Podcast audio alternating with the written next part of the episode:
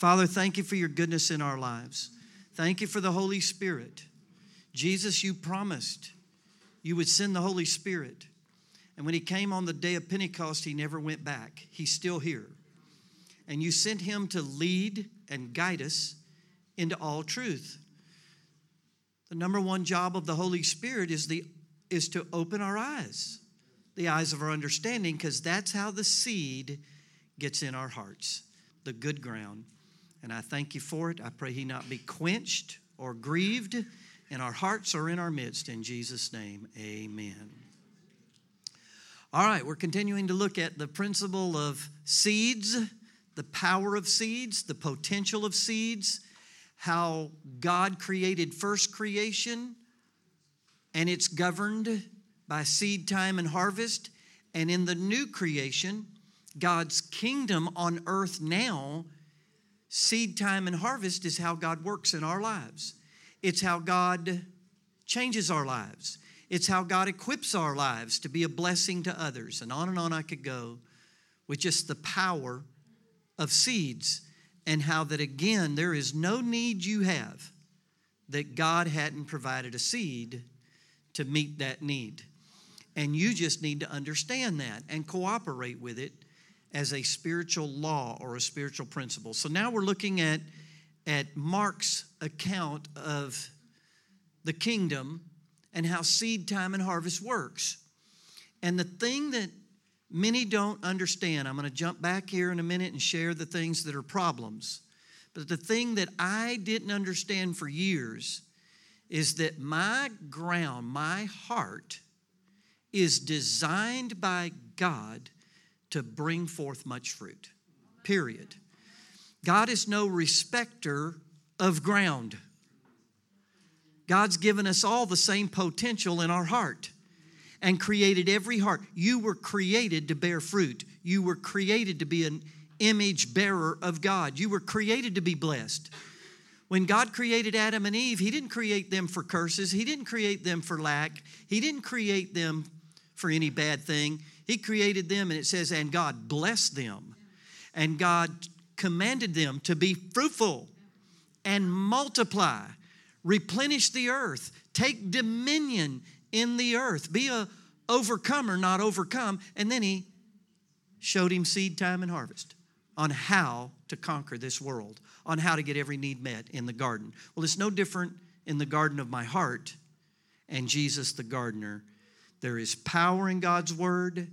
There's power in it like a seed to fulfill itself. I don't have to take the Word of God like I did for years and try to make it happen. I don't have to read God's Word and promises and then try to make it happen after my flesh. I take it as a seed planted in my heart, and the Word fulfills itself in my life. The Word God gave me 38 years ago to make disciples of the nations, I'm standing here right now and that word has been fulfilled by God. I'm not here by accident. I didn't plan on coming here. I didn't try to come here. I didn't ask to come here.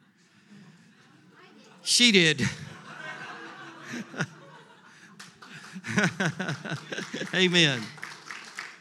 But that's how God works supernaturally in our lives. He's going to bring His word to pass if you sow it in your heart.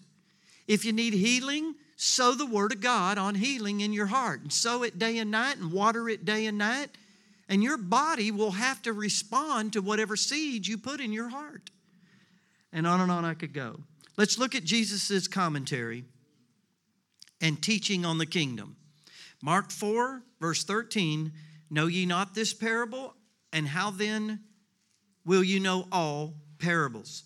Most important parable in the Bible. Let me give you a heads up. Let me encourage you.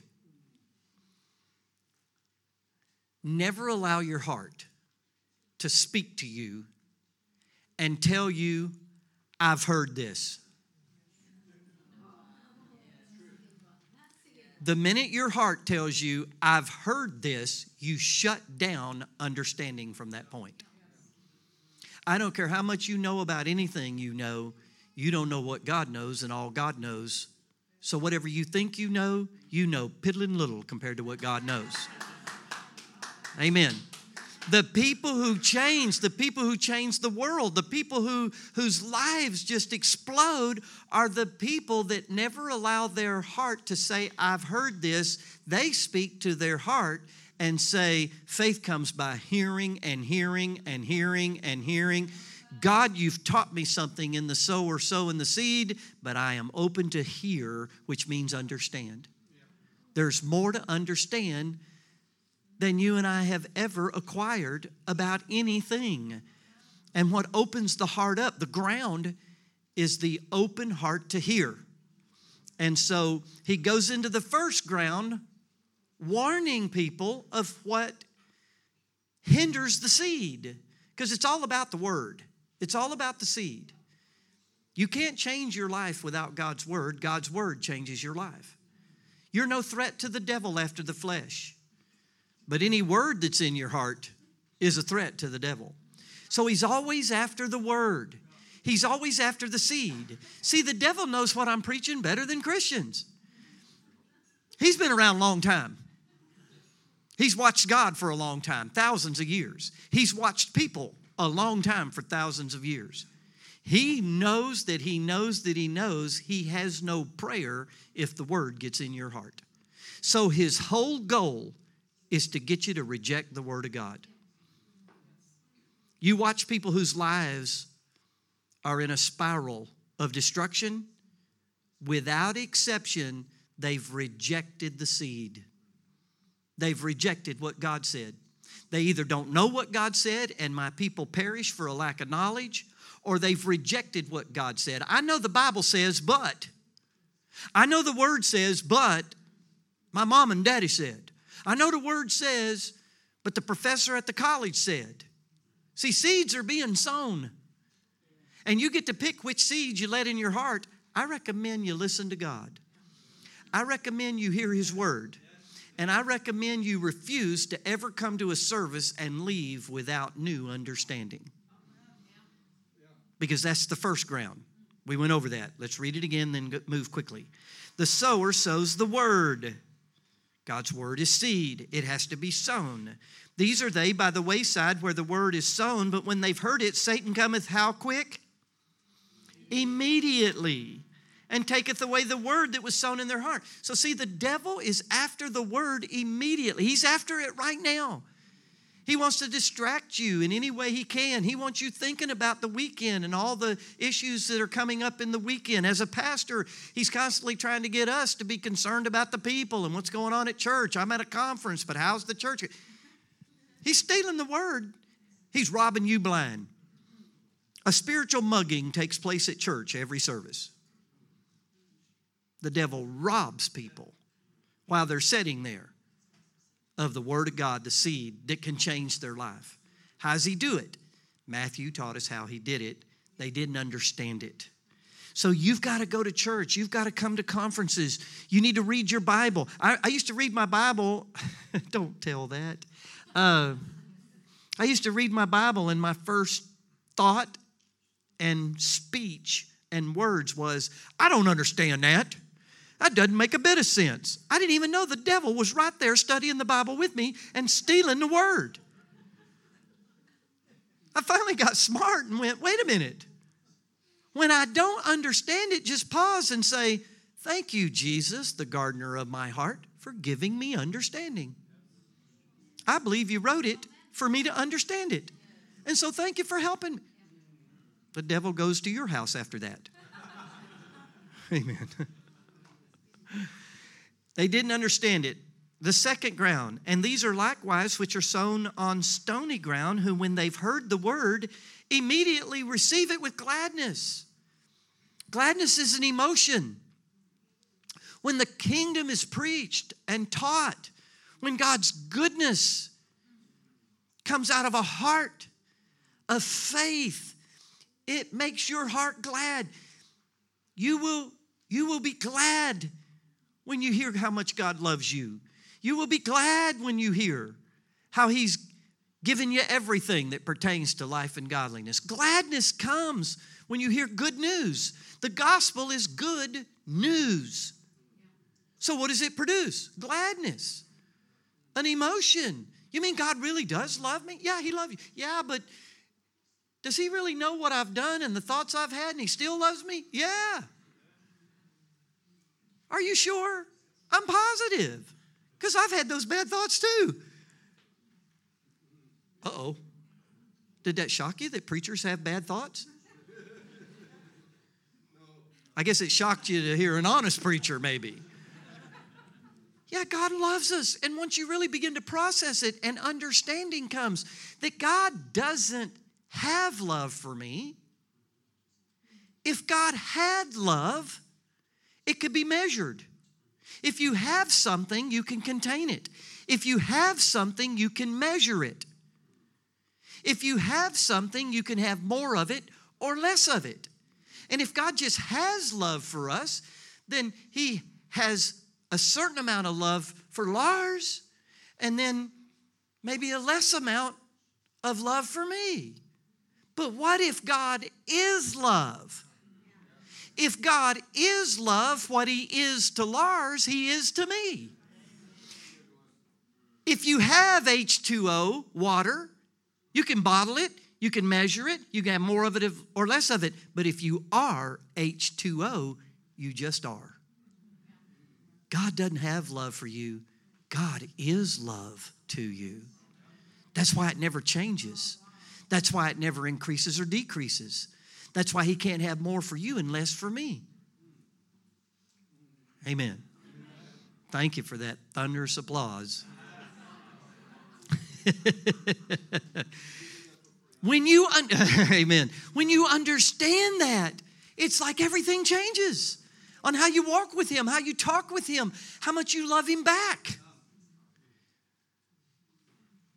So He says, they receive it with gladness and have no root in themselves. Remember, the stony ground has little earth, very little earth, so the roots can't go down very far, and the sun withered it, scorched it. He says they have no root in themselves and so endure for a time. Afterwards, when affliction and persecution arises for the word's sake, arises for the word's sake. Why do we why do we have all these afflictions as Christians? It's for the word's sake. Why do we get persecuted? And history has shown that a culture that does not accept the kingdom of Jesus, a culture that does not accept the good seed, the promised seed, and then the seeds of God, that culture in time will persecute the people of God if not if not countered they will prosecute the people of God for their faith and in some cases execute the people of God. This is why we must be salt in our culture. This is why we must speak the truth in love. Because opposition to the kingdom starts with persecution, but then it becomes prosecution that you will be fined and jailed if you believe the Bible. If you believe marriage is holy, created by God, and that is between a male and a female. God created us male and female. And God created marriage before sin entered the world. It's an institution of God, it's not a man made institution. If marriage was created by man, man could define it and redefine it. But marriage didn't come from man, it came from God. It came into the world before sin entered the world, and God called it holy matrimony. It's holy before God. Between a male and a female. In some cultures, if we do not see God move, if we if we do not speak up and the truth in love, people will be persecuted for that stand on holy marriage and holy matrimony, and then they will be prosecuted. In my country, many businesses are being shut down by law if they believe in marriage as God created it, as God ordained it. A beautiful gift for all of humanity. And in some cultures, you will be executed because of your faith in Jesus. Jesus says here that it's affliction and persecution that comes at you for the word's sake. It's not for your sake, it's really not about you. How many of you know that if God wasn't in us, there would be nothing worthy to persecute? If you didn't have God, you'd be persecuting instead of persecuted. The fact that I get persecuted, Peter said, Man, rejoice, be happy. That's because the glory of God is upon you. Nobody would persecute me if Jesus wasn't in my life. Good seed. He said, All of this stuff coming at you is to get the word. It's to get you to quit serving God. It's to get you to, to go into silence. It's to get you to back up, back out, and back down on the word of God. And it's working. It's working in many of our churches because of affliction and persecution, the church has gone silent and is afraid to speak the word, which is seed that can change people's lives. We don't want to sow seed anymore, God's word, because we'll get afflicted. People won't like us. Amen. You're supposed to realize this, you're supposed to understand this. Because when you get afflicted, you can't back up, you got to step forward. That means the word's working in me. That means my seed got into the ground and the devil's trying to uproot the seed by afflicting me. So I'm going to fight back harder. I'm talking about with the devil, not people. Amen. That's good news. Persecution. Ah, I know what's going on. The devil's trying to get the word out of me. He's trying to get me to apologize. He's trying to get me to abort the seed out of my heart so I won't have any kids. Fruit. Okay. Hallelujah.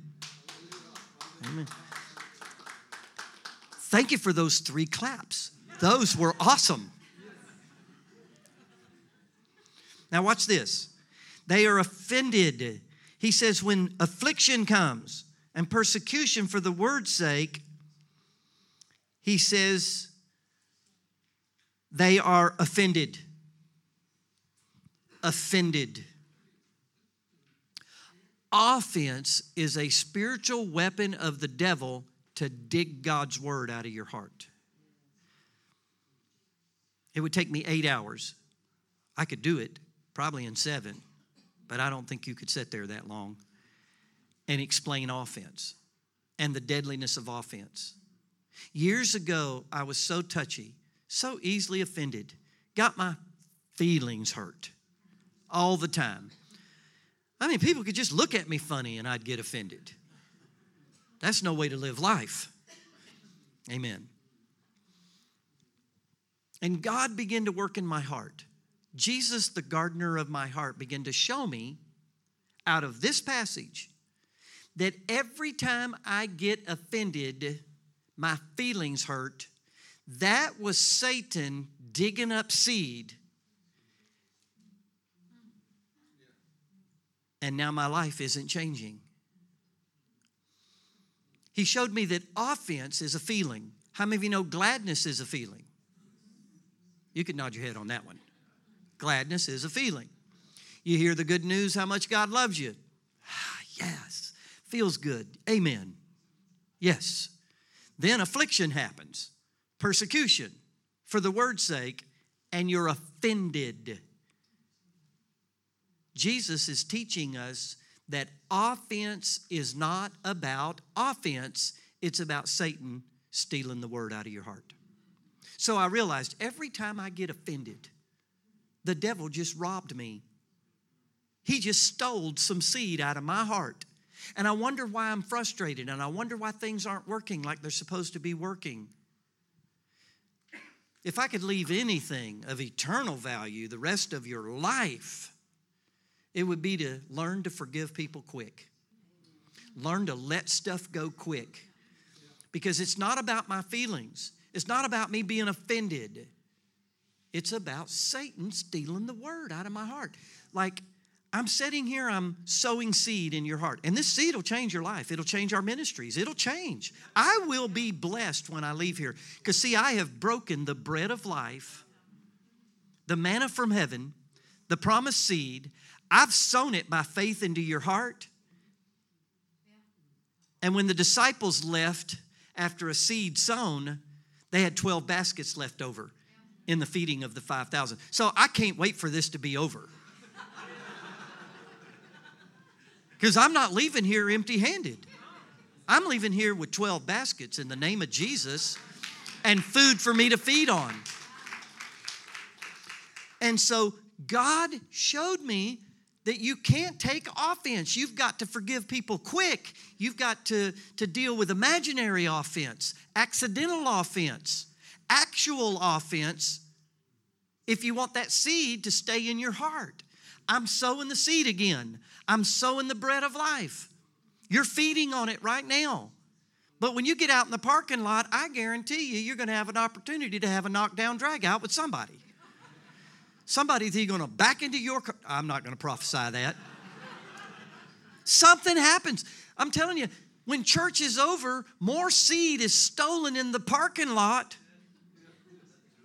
with husband and wives upset at each other, offended at how long the service was, offended at how loud the music was, offended at some dumb statement I made. I'm prone to do that. I haven't done it here in Jesus' name. And somebody took offense. See, offense is not about offense according to Jesus. Offense is about the devil stealing the word of God out of your heart. So when you get offended and it morphs into unforgiveness, you're killing seeds, good seeds. And then it morphs into bitterness, you're killing seeds. And then it morphs into defiling you, that's why you cannot offend me, and I refuse to take offense. Jesus taught me that's how Satan steals the word. Think about dead churches all over the world. They're full of offense. Think about how many people are not in church hearing good seed, receiving good seed. Talk to them, they're offended. They're offended at the church. They're offended at the preacher. They're offended at our belief systems. They're offended at the Word of God. And they wonder why things aren't working out very well in their lives. Things work out very well in our lives when we take seed, God's Word, sow it in our heart, and guard our heart so Jesus, the gardener, can bring forth the fruit. Amen. Let's be quick to forgive. All right, he goes on to say then in verse 18, and these are they which are sown among thorns, such as hear the word, God's seed, and the cares of this world, the deceitfulness of riches, and the lust of other things entering in, choke the seed, choke the word, and it, the seed, becometh unfruitful. Notice it's the seed and the ground that produce the fruit. I just bear fruit. Christians don't produce fruit, we bear fruit. Jesus produces the fruit. Jesus is the promised seed. His word is seed that is sown into the womb of our heart. And we conceive in the ground of our heart and bringeth forth now much fruit. It's not on our own effort, it's not us producing. I thought for years, that first 15 years I talked to you about of Christianity, I thought I got saved and God saved me, but I take over from here. I'm gonna serve God. I'm gonna live right. I'm gonna quit doing what's wrong. I'm gonna start doing what's right. And man, I collapsed because I discovered the hard way I couldn't produce the fruit. I bear fruit. Wives do not produce children. It is impossible for a wife to produce a child. A wife has to have seed. And when seed is united to egg, she bears children. We are the wife of Jesus. We are the bride of Christ. And his word is like seed sown into the womb of our heart. Amen. That's so good. I'm so glad I came. I needed to hear this. This is encouraging. All right, he says in verses 18 and 19 that these thorns will choke the seed. Now, years ago, I was so turned on to the Word of God. I was like a fanatic.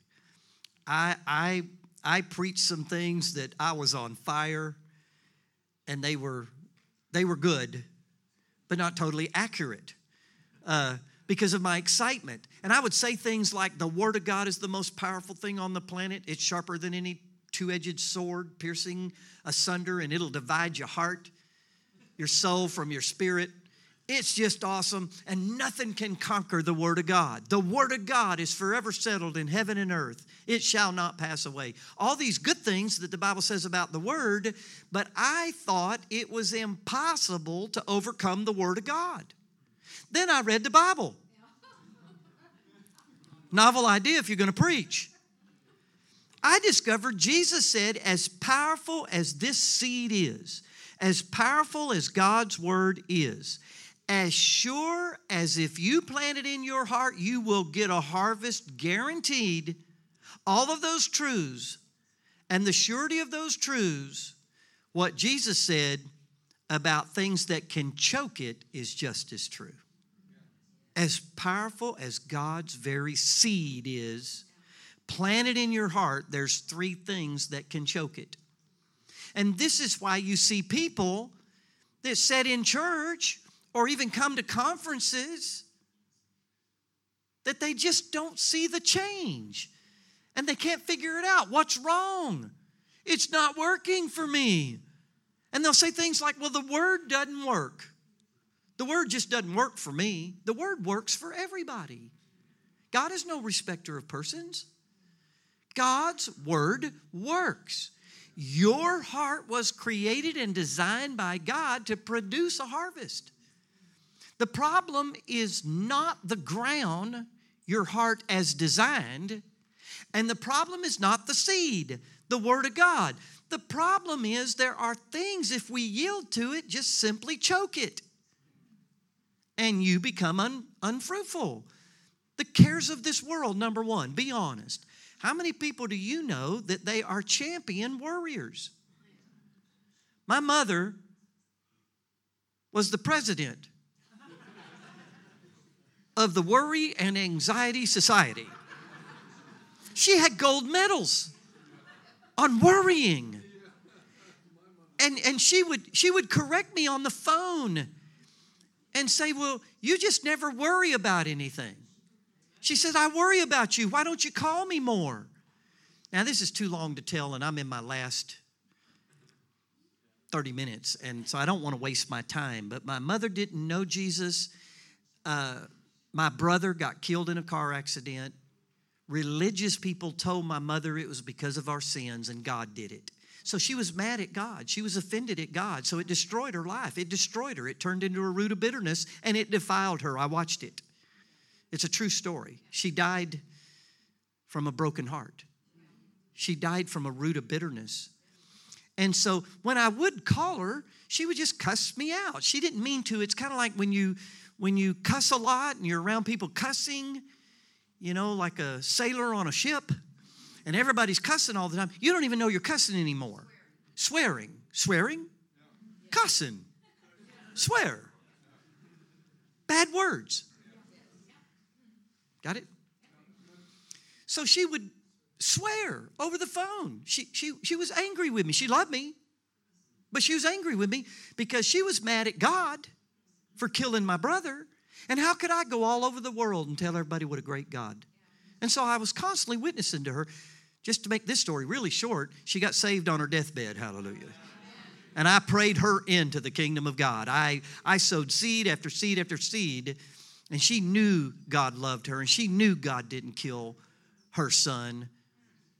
And I just stuck to my guns that God loves us, and God is good, and God didn't do it, etc., etc. Where was I going? Help me, help me, Jesus. Uh, oh, so so she would call me and and kind of swear at me, and then say, "Why don't you call me more?" So I told her, I said, "If you quit swearing, I'll call more. Well, you just don't love me.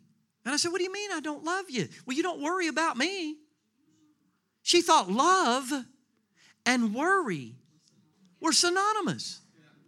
Many people think that way. They live with worry, anxiety, fear. And they don't realize that's choking the life of God on the inside of you. It's choking the seed. You have to learn Philippians 4 6. Be careful for nothing, but in everything, with prayer and supplications, make your requests be made known unto God. And then he says, after you pray and you make your request to God, think on all these beautiful things. Don't worry. Well, I wish I had time to explain this. I'm going to say it because I'm going to drop as many gold nuggets as I can because I don't believe there's any pigs here. You'll have to think that one out. You'll have to think that one out. Let it go. I'm going to cast a pearl here. In 1 Peter chapter 5, verse 6 and 7, the Bible talks about Peter speaking, an apostle of God. He says, Learn to humble yourself under the mighty hand of God. And then he says, Casting all your care upon him, for he cares for you. When you worry and are anxious about things, that's a form of pride. You're operating in pride. You're worrying because you think you're in control. You're worrying because you think you can change things, and you're worrying on how to change things and when to change things, and it's a form of pride. And it's true humility to cast your care upon the Lord. It's true humility to go to Jesus, the gardener of your heart, and say, This is bothering me, Lord, but I want to humble myself under your mighty hand that in due season you may exalt me. And so I cast this care upon you. You are the burden carrier of my life. You didn't create my heart to carry burden. So I cast it off on you. I trust you to take care of this financial, financial need. I trust you with my kids. I trust you with my grandkids. I trust you with our flight. First time I got on a plane, I freaked out. How in the world is this thing going to get off the ground? I come from a very poor background, and and the first time again I got on a plane, it was like I had to fight worry. I had to fight anxiety. I had pictures in my head of planes crashing, and I asked, could I sit at the back of the plane because I've I've never seen a plane back into a mountain.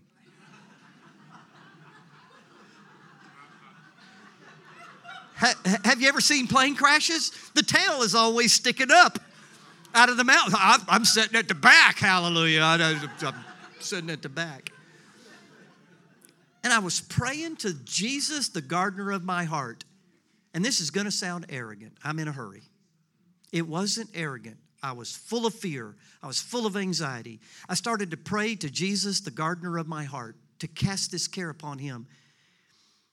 And Jesus said, If everybody else on this plane knew you were on it, they would feel safe. They would have no anxiety because this plane isn't going down because you're on it. Amen. And so I, I begin to talk to everybody. You're going to be okay. this plane is not going down. This puppy will fly and not crash in Jesus. See, we just don't realize how Jesus, the gardener of our heart, delights in taking away care because he's smart and he knows you can't carry worry and care in your heart and the seed work. Amen. Then he says the deceitfulness of riches. Oh my goodness. We could spend forever on how the deceit that comes with riches. Riches are not bad. Wealth is not bad. Money is not the root of all evil. Paul told a young pastor Timothy in 1 Timothy chapter 6 verse 10 that the love of money is the root of all evil. And you can have the love of money and have none. Some people who don't have any money have the love of money. Money's not evil. The love of money is evil. And with money comes a deceit. And if we don't train our people properly, we don't teach them how to handle their finances, if we don't teach them why they're working and why they're getting a paycheck, We have to teach out of Ephesians chapter 4 that he that stole, let him steal no more, but let him work with his hands so he will have to give. Most people work to get money to live and to have more things. And Jesus said the reason you work and the reason you labor and the reason you get a paycheck is so you'll have to give now. He's not saying we don't meet our own needs or he doesn't meet our needs. He says the object of money and to get more money is not to heap it up on our own lust, but to help other people, yeah. to give. Yeah. Amen. With money comes deceit. It's the deceitfulness of riches. What's the deceit? The deceit that comes with money is that it'll provide security. People love money and they pursue money instead of God because they think it'll make them secure. And security only comes from God. If God's not the source of your security, you can't have enough money to feel secure. Another deceit that comes with money is it'll make me happy. So I pursue money instead of pursuing God. And I love money, mammon, more than I love God because I want to be happy and money will make me happy. Now, don't misunderstand me. Money will make your sorrow bearable. money will make your sorrow bearable, but money won't make you happy.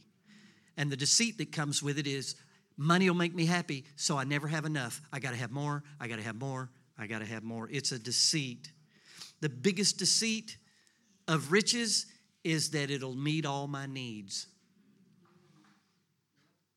And Paul says in Philippians 4 19, My God shall supply all your needs according to his riches in glory. Not according to your paycheck, not according to your company you work for. My God shall supply all your need according to his riches in glory. She told me I only have a few more minutes.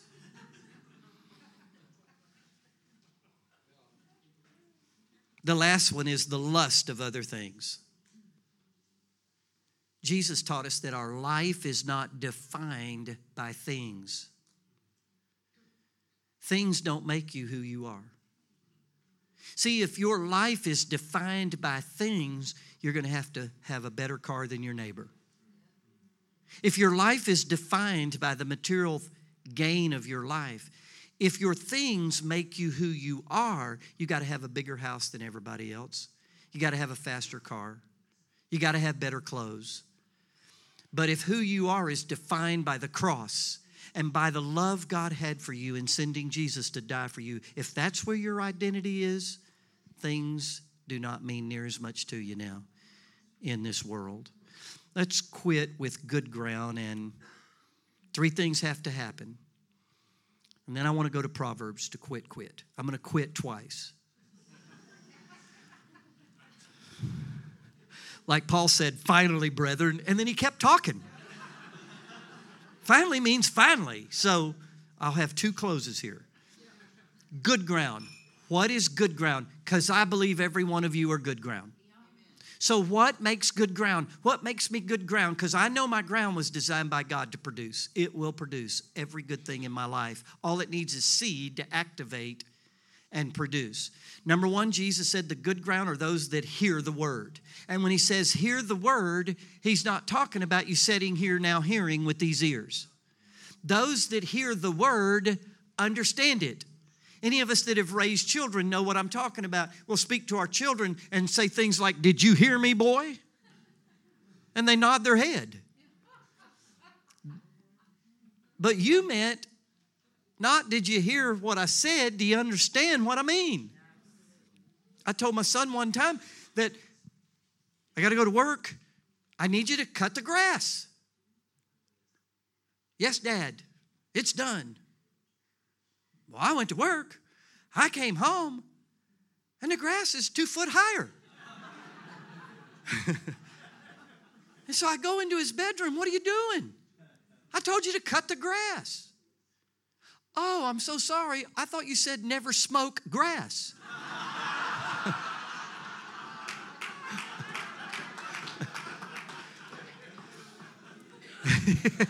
he didn't hear. I can't tell how many people leave church and they say what I said and I didn't say that. They didn't hear. You can hear the feedback and you know they didn't hear. Jesus said, He that hath an ear to hear, let him hear. See, you have to choose to hear. If you choose to hear God, you will hear Him. If you choose to focus on Him, you will see Him. If you choose to believe and receive, you will believe and receive. But you have to choose to hear. You have to want to understand.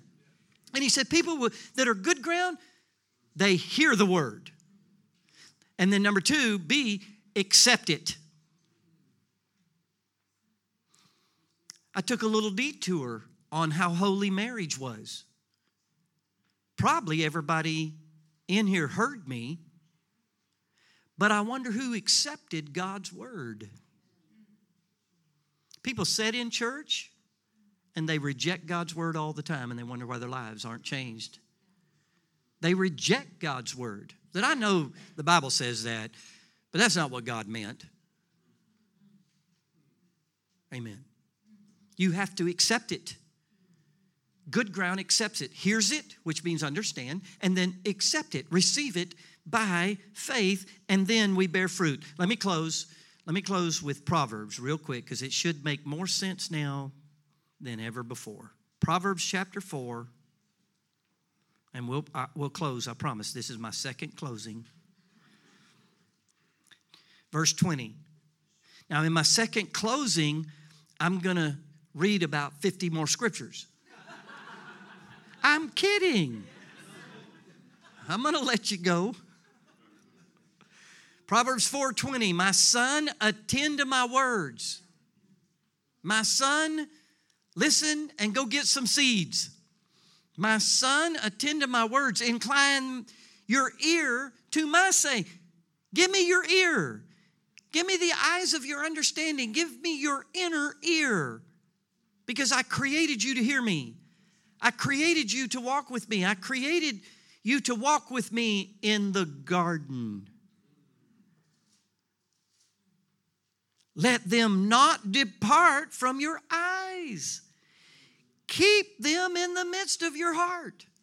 So, see, God's word has to be heard, understood, accepted, received by faith, planted in my heart, but you've got to keep it in there. The devil's trying to get it out of your heart. For they are life. Seeds have life. Seeds have the ability and power to recreate after their own kind, for they are life unto those that find them and health to their flesh. Keep your heart with all diligence, for out of it are the issues of your life. Keep your heart, guard your heart, yield to the gardener of your heart. Sow nothing but God's seed in there. Anything that's not God's seed, reject it. Don't let it get in your heart. Put the right thing in your heart, keep the wrong things out of your heart, and the gardener of your heart will bring forth a great harvest. Amen? Amen. Were you blessed? Yes. Amen. Praise God. Hallelujah. Hallelujah.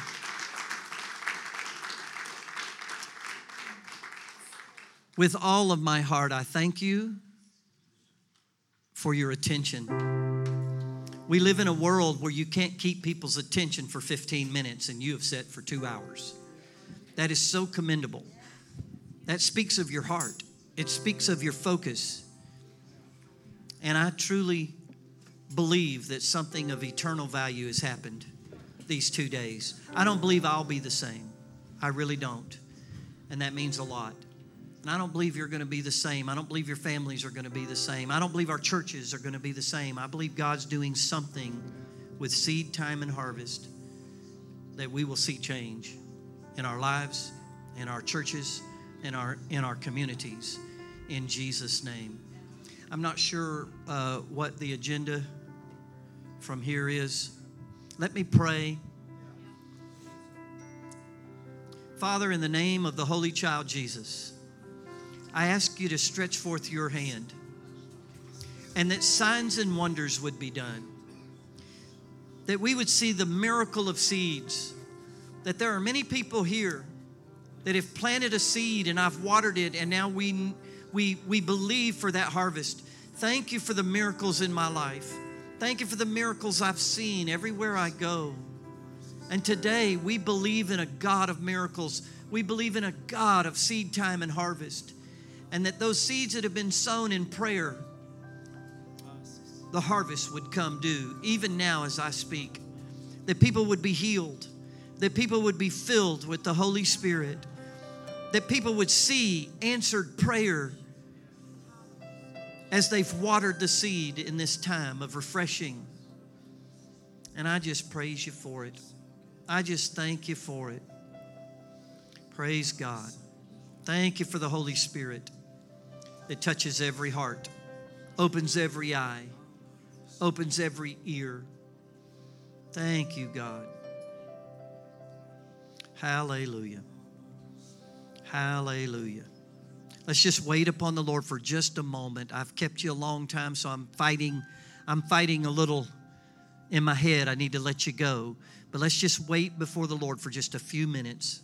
And if I don't get a word, we'll be dismissed. But maybe a word that could change a life forever could be given. So just minister to the Lord as you guys in the worship team do. Just minister for a moment.